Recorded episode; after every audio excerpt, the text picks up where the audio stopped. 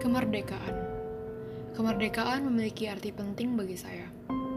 Banyak orang mengatakan kemerdekaan itu merupakan seperti finish line, di mana perjuangan masyarakat Indonesia sudah selesai. Tidak ada penjajah, kita bisa bebas berbuat apa saja. Kita juga sudah tidak disiksa dan tidak diatur oleh bangsa lain. Namun, sebenarnya, menurut saya kemerdekaan itu justru merupakan awalan awalan yang baru bagi kita masyarakat Indonesia, di mana kita perlahan belajar untuk memperbaiki negara sendiri dengan melihat kondisi dan sekitar kita, bukan dari lingkungan luar lagi.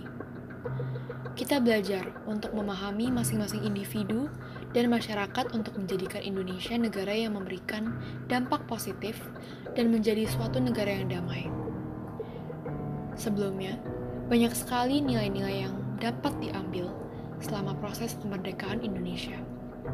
Nilai kerjasama salah satunya.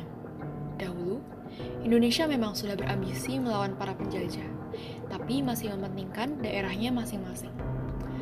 Setelah kesadaran itu muncul, seluruh golongan, baik muda maupun tua, bergabung bersama untuk bermusyawarah agar Indonesia merdeka. Jadi, sudah sepatutnya kita menggunakan jerih payah para pahlawan dengan baik.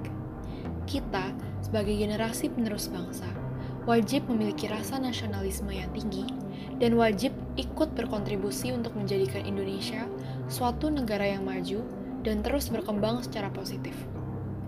Janganlah takut untuk dibungkam. Katakanlah, bersuaralah, berbuatlah jika memang menurut Anda itu merupakan hal yang tepat. Terima kasih sudah mendengarkan sampai habis dan salam merdeka untuk kita semua. Merdeka!